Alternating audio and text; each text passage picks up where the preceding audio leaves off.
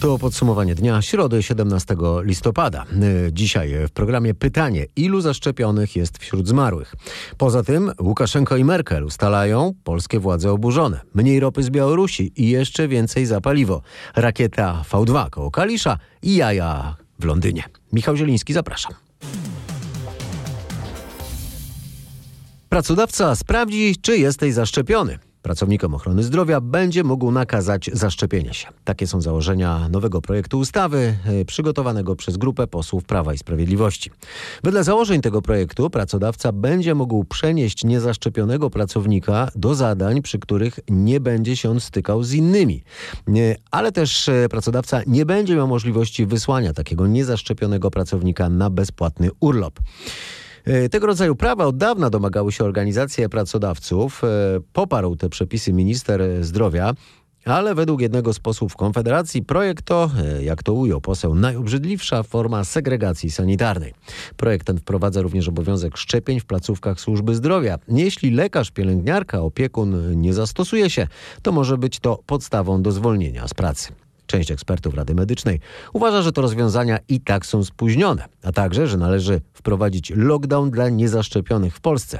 Podaje nasz e, reporter Michał Dobrowicz. Rząd podejmując decyzję nie słucha ekspertów, komentuje prezes Towarzystwa Epidemiologów i Lekarzy Chorób Zakaźnych profesor Robert Flisiak. Sam fakt opóźnienia ich, gdy mamy już y, rozbuchaną epidemię, oznacza, że one były podejmowane z pobudek politycznych. Rada Medyczna, jak ustaliłem, przygotowywała stanowisko, w którym zalecała lockdown dla osób niezaszczepionych, podobny do tego, które obowiązuje już w Austrii. Zgodnie z tym pomysłem certyfikaty covidowe byłyby sprawdzane na przykład przy wejściu do restauracji, teatrów, kin czy kościołów. Stanowisko ostatecznie wciąż nie jest opublikowane, bo nie wszyscy członkowie Rady chcą rekomendować takie rozwiązanie. Tymczasem z Ministerstwa Zdrowia napłynęły dzisiaj e, bardzo niepokojące i nie do końca zrozumiałe informacje. Rzecznik resortu Wojciech Andrusiewicz, podsumowując bilans pandemii z ostatniej doby, podał informację, która albo jest pomyłką, nieporozumieniem, albo też może podważać dotychczasowe dane dotyczące skuteczności szczepionek.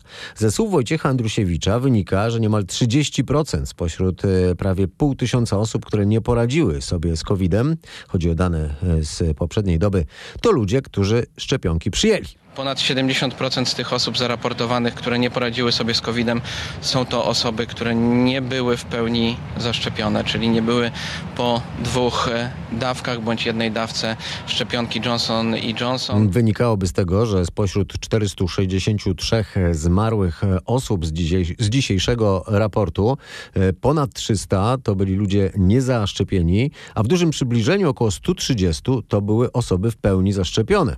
Kilka dni temu tymczasem Ministerstwo Zdrowia informowało, że nie 70, ale ponad 96% zmarłych to są osoby nie w pełni zaszczepione. Podobne dane zresztą napływają z innych krajów. Miejmy nadzieję zatem, że to była pomyłka albo jednorazowa anomalia. W przeciwnym razie okazałoby się, że zaszczepieni są chronieni w stopniu znacznie niższym niż się uważa. Nasz dziennikarz będzie oczywiście wyjaśniał, czy doszło do nieporozumienia. A teraz już w podsumowaniu dnia informacje dotyczące kryzysu na granicy polsko-białoruskiej. Wiele wskazuje na to, że po serii rozmów między przywódcami Niemiec i Francji oraz Rosji i Białorusi rysuje się porozumienie. Białoruska agencja Biełta poinformowała dziś, że będą rozmowy Unii Europejskiej z Białorusią na temat migrantów. Ten komunikat ukazał się po drugiej w tym tygodniu rozmowie telefonicznej Angeli Merkel z Aleksandrem Łukaszenką. Całość tego problemu dotyczy relacji Białorusi z Unią Europejską, a wskazani przedstawiciele obu stron podejmą natychmiast negocjacje, twierdzi agencja Biełta. Komunikat strony niemieckiej po tej rozmowie jest oszczędniejszy. Rzecznik Angeli Merkel oświadczył, że kanclerz w rozmowie z Łukaszenką podkreśliła potrzebę zapewnienia pomocy dla migrantów z uwzględnieniem wsparcia ze strony organizacji humanitarnych i współpracy Komisji Europejskiej. Po pierwszej rozmowie przeprowadzonej w poniedziałek podniosły się głosy krytyki wobec kanclerz Niemiec. Według polskich władz było to działanie przedwczesne. Na szefowa estońskiej dyplomacji oświadczyła, że Łukaszenko postawił Merkel warunki. Zakończy kryzys migracyjny na granicy w zamian za uznanie go za legalnego prezydenta Białorusi, a także za zniesienie sankcji. Polskie władze nie komentują tych doniesień, nadal podkreślają, że na granicy jest niebezpiecznie. To jest atak na granicę Unii Europejskiej, mówił dziś po południu podczas wizyty w Czarnogórze prezydent Andrzej Duda. Przede wszystkim również udzielamy pomocy wszystkim tym, którzy na polską stronę granicy przeszli, bo oczywiście biorąc pod uwagę, że gra, granica ma kilkaset kilometrów, takie sytuacje się zdarzają, ale do tej pory żadna wielka grupa e, migrantów, e, zwłaszcza działając w sposób siłowy, tak jak to się dzieje w ostatnich dniach, niestety, że dochodzi na granicy do zamieszek, e, wejść na teren Polski nie zdołała, za co jestem ogromnie wdzięczny naszym funkcjonariuszom, Straży Granicznej, Policji, jak również wspierających im żołnierzom, że no te obowiązki swoje wynikające ze służby dla Rzeczypospolitej, ale także z wykonywania naszych zobowiązań europejskich realizują. Mimo braku oficjalnego stanowiska polskich władz wobec wspomnianych e, negocjacji, które, jak twierdzą niektórzy eksperci, po prostu odbywają się nad głowami e, Polaków, e, to przejęcie inicjatywy przez Niemcy nie jest raczej dobrze odbierane przez polskie władze. Świadczą o tym informacje choćby z wczoraj, o tym, że prezydent Andrzej Duda w rozmowie z prezydentem Niemiec e, Frankiem Walterem Steinmeierem wspominał, co myśli o rozmowach dotyczących sytuacji na granicy. E, Albo też to, że dzisiaj w Brukseli na spotkaniu ambasadorów państw Unii dotyczącym Białorusi miało dojść do spięcia między Polską i Niemcami. E, Takie informacje uzyskała od nieoficjalnego źródła polska agencja prasowa.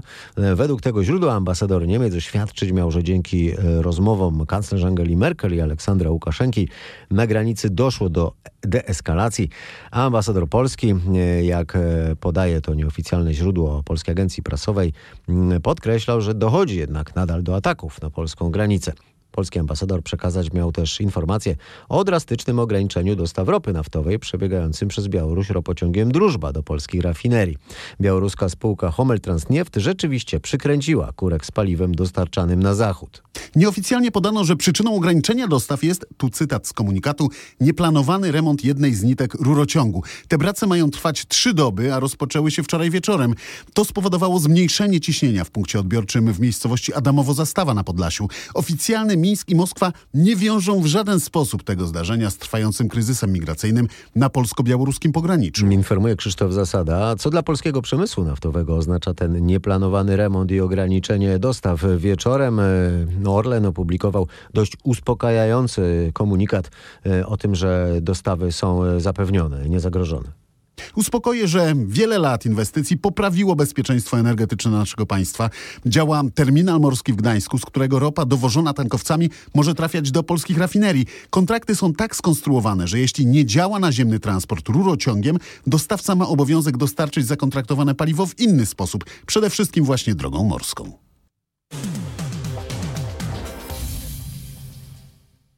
Zostajemy przy temacie dotyczącym granicy. Sąd przyjął dziś rządowy projekt, który reguluje zasady przebywania na terenach przygranicznych. 2 grudnia zakończy się trwający od trzech miesięcy stan wyjątkowy i zgodnie z konstytucją więcej już przedłużyć go się nie da. E, Nasz dziennikarz e, Roch Kowalski e, był dzisiaj w Sejmie i powie, kto w takim razie będzie mógł przebywać przy granicy. Dobry wieczór. Zasady właściwie się nie zmieniają. Taką możliwość będą mieli tylko mieszkańcy, pracownicy oraz osoby, które muszą się dostać do lokalnych urzędów. Wszystkie osoby postronne będą miały zakaz przebywania przy granicy, bo rząd obawia się, że w przeciwnym razie mogłoby dojść do prowokacji, które tylko zaogniłyby kryzys. Zmienia się za to podstawa prawna, bo ograniczenia będą obowiązywały na podstawie ustawy, co zdaniem części opozycji jest po prostu niezgodne z konstytucją. Procedury są określone na poziomie prawa konstytucyjnego. To jest próba obejścia Mówił senator Krzysztof Brejza z Koalicji Obywatelskiej. Na pogranicze za zgodą Straży Granicznej i na określonych warunkach dopuszczeni mają zostać dziennikarze. Wracamy teraz do paliw, ale już nie będzie o dostawach e, ze wschodu, ale o s- cenach na stacjach benzynowych. E, Nadal paliwa na nich drożeją. Średnia cena 95 diesla w całym kraju przekroczyła dzisiaj 6 zł za litr. Za bezołowiową e, trzeba obecnie zapłacić średnio 6 zł i 1 grosz. O grosz więcej e, kosztuje olej napędowy. E, LPG, gaz średnio e, kosztuje 3 zł i 34 grosze. Tendencja y, może nie ciągłej zwyżki, ale na pewno utrzymywania się tych wysokich wysokich cen, które już w tej chwili mamy, będzie wyraźna, dopóki nie zobaczymy większych ilości ropy trafiających na rynki światowe, chociażby z krajów OPEC+, a to może nastąpić stopniowo, będzie ta produkcja powiększana aż do wiosny przyszłego roku. Mówi ekspert e-Petrol Jakub Bogucki. Ropa na światowych rynkach dzisiaj taniała, tak jest od tygodnia, ale co z tego, skoro przez ten czas kurs dolara wystrzelił, amerykańska waluta kosztuje już 4 zł 12 groszy na ropę kupujemy za dolary. Złoty słabnie również wobec innych walut. Frank kosztuje 4 zł 43 grosze i droższy był tylko chwilowo 7 lat temu, 15 stycznia 2015 roku, kiedy to Bank Centralny Szwajcarii nieoczekiwanie zniósł powiązanie szwajcarskiej waluty z euro. A kurs euro dzisiaj wspiął się do poziomu 4 zł i 66 groszy i w nadchodzących godzinach może sięgnąć poziomu nienotowanego od 12 lat. Brytyjski funt z kolei przebił barierę 5,5 zł już wczoraj, a dziś kosztował prawie 5 zł i 55 groszy, a to oznacza, że jest najdroższy od 5 lat. Nie dziś i nie jutro, ale w ciągu tygodnia rząd ma przedstawić tarczę inflacyjną. W weekend premier Mateusz Morawiecki zapowiadał, że w najbliższych dniach będą przedstawione rozwiązania w ramach tarczy, która ma częściowo rekompensować Polakom koszty związane ze wzrostami cen. A w poniedziałek nasz dziennikarz, powołując się na nieoficjalne źródła, informował, że te rozwiązania mają być przedstawione w połowie tygodnia. Jednak teraz rząd zapowiada, że to stanie się raczej w ciągu tygodnia. Wiadomo już, że będą dopłaty do rachunków e, za prąd. Mówi się o bonie energetycznym dla uboższych. Pojawiają się też nieoficjalne doniesienia o podobnym bonie na ciepło. Nasze nieoficjalne źródła podają, że możliwe jest ograniczenie marsz rafinerii i stacji benzynowych po to, by paliwa już tak szybko nie drożały. Pojawiały się również propozycje, by zmniejszyć VAT na żywność. A inflacja coraz mocniej uderza w portfele Polaków. Coraz więcej z nas przewiduje kłopoty finansowe. Przed obchodzonym dzisiaj Dniem Bez Długów ukazał się raport, według którego 7% Polaków ma problemy ze spłatą zobowiązań finansowych. Suma zaległych zobowiązań Polaków to 47 miliardów złotych. Według danych Krajowego Rejestru Długów niemal połowa tej kwoty to długi tych, którzy zalegają ze spłatami wobec co najmniej trzech wierzycieli. Wiele osób zadłużonych ma długi nie tylko u jednego wierzyciela, ale tych długów jest kilka. Z naszego badania wynika, że Polacy najczęściej zalegają z takimi najbardziej podstawowymi y, opłatami za takie rachunki jak czynsz, rachunek telefoniczny, prąd y, czy gaz. Rzadziej jest to na przykład rata za zakupiony w systemie ratalnym sprzęt RTV AGD czy y, rata kredytu hipotecznego. Agnieszka Salach z firmy Kruk dodaje, że 28% Polaków deklaruje iż od początku pandemii sytuacja finansowa się pogorszyła. Tych, którzy odczuli poprawę jest pięć razy mniej. To podsumowanie dnia środy 17 listopada. Teraz e, będzie kilka słów o pogodzie. Zima na razie nie nadchodzi, ale pędzi do nas wiatr. Najmocniejsze, sięgające niemal 100 km na godzinę porywy prognozowane są na ten piątek. Najsilniej wiatr będzie wiał na północy kraju, y, zachodnio-pomorskie i pomorskie. Pozostała część kraju 70 km na godzinę. To oznacza też ochłodzenie?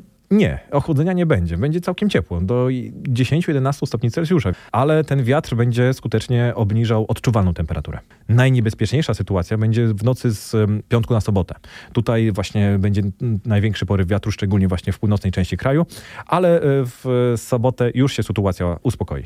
Śnieg też może się pojawić w niektórych regionach? Delikatny taki śnieg w niedzielę i tylko i wyłącznie na północy kraju. Mm, prognozuje Grzegorz Walijewski z Instytutu Meteorologii i Gospodarki Wodnej. Dodaje, że arktyczne powietrze, wraz z nim ochłodzenie, e, przyjdzie do nas na początku przyszłego tygodnia. Zatem zima za pasem, a to oznacza zwiększone zapotrzebowanie na węgiel.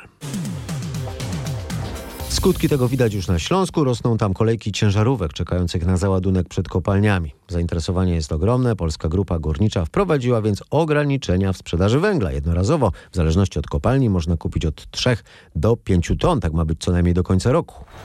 Ile stanie przed panem? No nie wiem, może jutro wjedziemy przy takich ja kolejkach. Mówię, doba raczej to... Spokojnie. Spokojnie, nie? 18 za groszkiem, kolega 20 któryś za... 24 za kostką. Ja wiem za kim jestem też, on stoi po lewej stronie tam, nie? No, dwa, przede mną. No. To jakieś kwity są, żeby stać w kolejce? No, ale stację mamy. Przepustki, przepustki.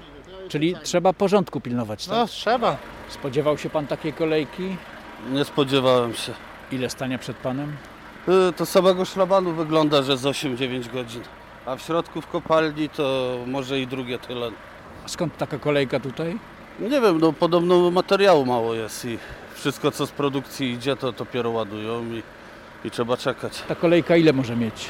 No, około dwóch kilometrów, nie wiem na oko. Przed bramą kopalni Staszic w Katowicach był reporter RMFFM Marcin Buczek. Tyle o węglu, a teraz o zupełnie innym paliwie, nadtlenku wodoru i ciekłym tlenie, po raz pierwszy uzyskanym w Krakowie przez chemików z Uniwersytetu Jagiellońskiego. To paliwo było używane do napędzania niemieckiej rakiety V2. Chodzi tu o pierwszą rakietę balistyczną świata, która osiągnęła pułap przestrzeni kosmicznej. Poszukiwacze znaleźli właśnie koło Kalisza w Wielkopolsce szczątki takiej rakiety tajnej broni Hitlera. Została wystrzelona ostatniego grudnia 1944 roku z poligonu w Wierzchucinie, mówi Przemysław Kurowiak, prezes Kaliskiego Stowarzyszenia Poszukiwaczy Śladów Historii DNR. Przeleciała 225 km w przeciągu niecałych 6 minut, no i upadła właśnie w Kuźnicy Grabowskiej, uderzając ziemię z prędkością ponad 3000 km na godzinę. Także sobie proszę wyobrazić, jaka to była siła uderzeniowa. Znaleźliśmy, no mówię, od, no masę rzeczy, y, od silnika, wtryski powietrza, prawda, czy, czy, czy elementy turbopompy, poprzez elementy zbiorników y, paliwa, aż do samego żyroskopu. W tamtym czasie ona była super tajna i super nowoczesna. Rakieta ważyła, mówię, ponad 13 ton, miała ponad 14,5 metra wysokości, osiągała prędkość maksymalną nawet do 5,5 tysiąca km na godzinę. Możecie poczytać o tym więcej i zobaczyć elementy odnalezionej rakiety na zdjęciach na naszej stronie w internecie rmf24.pl. A skoro mowa o rakietach, Międzynarodowe Konsorcjum z udziałem naukowców z Uniwersytetu Przyrodniczego we Wrocławiu zaprojektować ma nawigację dla Księżyca. Budowę koncepcji systemu, który ma być wykorzystywany w przyszłych misjach księżycowych, dofinansowała Europejska Agencja Kosmiczna. Jeżeli będzie e, system nawigacyjny w, e, w pełni zbudowany po, po 2030 roku, to e, no, nawigacja będzie możliwa po bliższej, dalszej stronie Księżyca. Będziemy mogli zbudować stację e, wokół biegunów Księżyca, tam gdzie znaleziono lód. Będziemy w stanie pozycjonować się na Księżycu, więc przyszłe misje, które polecą na Księżyc, astronauci, którzy będą się poruszać na Księżycu, e, otrzymają dokładną pozycję, będą mogli się nawigować, e, również ułatwi lądowanie i start na Księżycu. Tę wizję przedstawił profesor Krzysztof Sośnica z Instytutu Geodezji i Geoinformatyki Uniwersytetu Przyrodniczego we Wrocławiu. A łódzka przyroda ma zyskać pięć nowych parków leśnych. E, Te nowe miejsca rekreacji powstaną, bo miasto zdecydowało, że wycofa się ze sprzedaży pod zabudowę mieszkaniową niektórych terenów zielonych. To są parki przy ulicy Podchorążych, to jest park na Janowie między ulicą Janowską e, i Rokicińską. E, pozostałe trzy parki to są parki, o których nazwie zdecydowali mieszkańcy w otwartych głosowaniach e, na platformie Vox Populi. To jest park pod Brzozami w Andrzejowie, to jest park imienia Stefana Rogowicza między ulicą Centralną i Wycieczkową oraz to jest park Wyścigi przy ulicy Konnej. Te tereny, które miasto przeznaczyło na parki leśne, wycofane ze sprzedaży, czasami wymagające zmiany planów miejscowych, e, to są tereny szczególnie cennych siedlisk przyrodniczych. Z mieszkańcami wspólnie w tym roku odbywaliśmy e, konsultacje w terenie wraz z radnymi. Przygotowaliśmy koncepcję zagospodarowania tych terenów. E, To będą parki o charakterze ekstensywnym, parki leśne, swobodnie zagospodarowane. Te tereny o połącznej powierzchni przeszło 60 hektarów uzupełnią ofertę rekreacyjną, ofertę przyrodniczą miasta Łodzi. To nie są ostatnie tereny parków leśnych. Szukamy takich przestrzeni na dalszych osiedlach. Jesteśmy w kontakcie też z radami osiedli, które takie pomysły zgłaszają. Niedawno widzieliśmy się z prezydentem na ulicy Ołowianej z mieszkańcami, gdzie kolejny teren takiego małego skwerku e, został wycofany ze sprzedaży i będzie e, organizowany, aranżowany przez mieszkańców. Czyli nie wszystkie wolne miejskie tereny e, trzeba zabudować apartamentowcami, usłyszała reporterka RMFFM Agnieszka Wyderka od pierwszego wiceprezydenta Łodzi Adama Pustelnika, a także dyrektora Departamentu Ekologii i Klimatu Urzędu Miasta Łodzi Macieja Rimera. Teraz przenosimy się do Malborka, a to miasto ma z kolei zyskać Centrum Dziedzictwa Pokrzyżackiego. Na terenie słynnego zamku w Malborku ruszyły prace, e, które mają zająć e, dwa lata. Inwestycja e, jest warta niemal 25 milionów złotych i te pieniądze mają zostać przeznaczone na przebudowę zabytkowych budynków gospodarczych na przedzamczu. Część z nich czeka na odrestaurowanie jeszcze od czasów II wojny światowej. A przed wiekami były tam m.in. szpital dla braci zakonnych i obiekty typowo gospodarcze. W przyszłości z kolei ma się tam znaleźć specjalistyczna biblioteka, pracownie konserwatorskie, a także ośrodek badań nad dziedzictwem pokrzyżackim. I to ośrodek właśnie budzi najwięcej emocji. O tym, w jakim celu powstaje z Januszem e, Trupindą, e, dyrektorem e, Muzeum Zamkowego w Malborku, rozmawiał nasz reporter Kuba Kauga. Posłuchajcie. Polska jest terenem, gdzie mamy największą sieć zamków pokrzyżackich. Tuż obok jest obwód kaliningradzki. W Europie, na świecie mamy także inne zamki krzyżackie. To są kościoły, to jest infrastruktura techniczna, to są dzieła sztuki. To jest wreszcie dziedzictwo niematerialne, które bardzo długo funkcjonowało na tych terenach, kiedy już krzyżaków tutaj dawno nie było.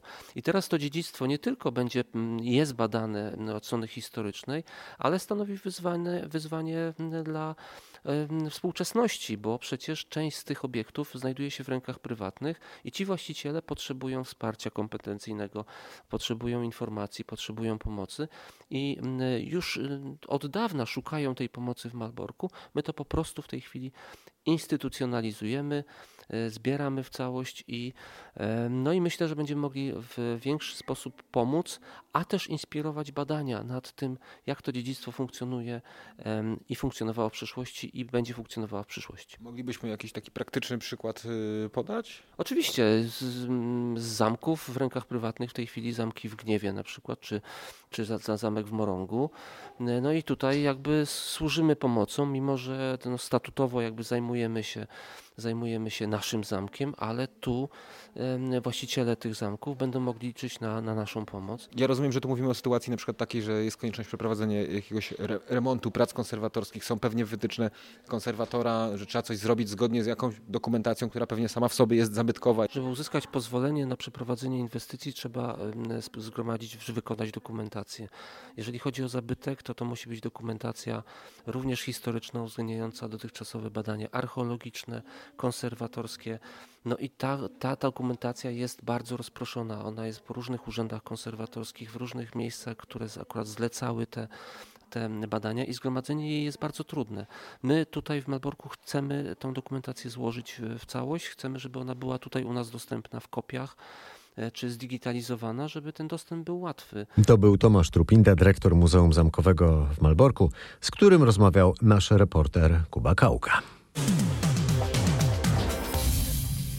Słuchacie podsumowania dnia, e, środy 17 listopada. Tyle o muzeum w Malborku, a teraz o niezwykłej wystawie, która ma być otwarta w najbliższą sobotę w Londynie.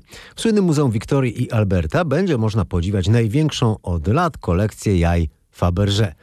To niezwykłej urody dzieła sztuki złotniczej z czasów rosyjskich carów Aleksandra III Romanowa i Mikołaja II. Nazwa jaj pochodzi od nazwiska ich twórcy, czyli złotnika Petera Faberże. Niektóre z jaj to prawdziwe jajka niespodzianki. Zawierają w sobie takie cuda jak paf ze złota czy słoń z kości słoniowej, co dodaje im dziecięcej magii, zapewnia kurator wystawy Claran McCarthy. Tutaj jakbyś był dzieckiem, które ma czekoladowe jajko niespodziankę. W środku otwierasz wysadzane klejnotami jajo, a w środku taka niespodzianka. Jeśli macie zamiar w najbliższych miesiącach odwiedzić Londyn, no to zajrzyjcie do Muzeum Wiktorii yy, i Alberta. Wystawa jaj Faberże będzie tam czynna do początku maja. Wczoraj w podsumowaniu dnia, na koniec, nasza reporterka z zachodniego Pomorza opowiadała o pewnej matce, która urodziła dwójkę e, przyszłych e, potencjalnych wielbicieli jajek z niespodzianką w środku. Ale ta matka zgłosiła się o pomoc jako matka trojaczków. Miejscowy urząd odkrył to oszustwo i Matką zajęła się teraz y, policja. A dzisiaj to podobno potwierdzone trojaczki rzeczywiście przyszły na świat w Lublinie. Dziewczynki urodziły się w 32 miesiącu ciąży w samodzielnym y, publicznym szpitalu klinicznym numer 4. Przyszły na świat wczoraj, w przeddzień Światowego Dnia Wcześniaka. Dziewczynki, jak niemal wszystkie wcześniaki urodzone w tym terminie, są jeszcze niewydolne oddechowo i leżą w inkubatorach. Ciekawe, czy kiedy dorosną, będą jeszcze pisać listy do Mikołaja na papierze. E, to jest jedna z ostatnich okazji, kiedy można w dzisiejszym świecie coś napisać odręcznie i dobrowolnie, czyli bez szkolnego przymusu. E, najpiękniejszego w formie i treści listu do świętego Mikołaja poszukuje Muzeum Narodowe w Szczecinie. Muzeum, chociaż Mikołajem nie jest, czeka na przedświąteczne listy od dzieci. Listów jest pięknym zwyczajem, który niestety w takiej formie tradycyjnej już zanika, ale dzięki pisaniu właśnie listów dziecko doświadcza tej magicznej atmosfery y, świąt. Rozwija się jego wyobraźnia, jego wrażliwość. My, dorośli, też na chwileczkę w pędzie codziennego życia możemy się zatrzymać i porozmawiać z naszymi dziećmi o ich marzeniach, o ich pragnieniach, a to, co usłyszymy i to, co odczytamy z tych listów, będzie dla nas bezcenne w okresie robienia y, zakupów przedświątecznych. Mówi Dorota Baumgarten-Szczyrska, pomysłodawczyni konkursu. Muzeum czeka na pracę w formacie co najmniej A4 do 5 grudnia. A ja będę czekać na spotkanie z Państwem w podsumowaniu dnia do przyszłego tygodnia, bo to już wszystko dzisiaj. To była ostatnia e, informacja dzisiejszego podsumowania dnia. Pozwolę sobie jeszcze polecić e, prowadzoną przeze mnie dyskusję na e, kongresie Open Eyes Economy Summit, która odbyła się w Krakowie. Mm, Dyskusja dotyczyła Chin i można ją obejrzeć na naszej stronie w internecie rmf24.pl, podobnie jak inne panele z udziałem dziennikarzy RMFFM. Bardzo dziękuję za uwagę i do usłyszenia.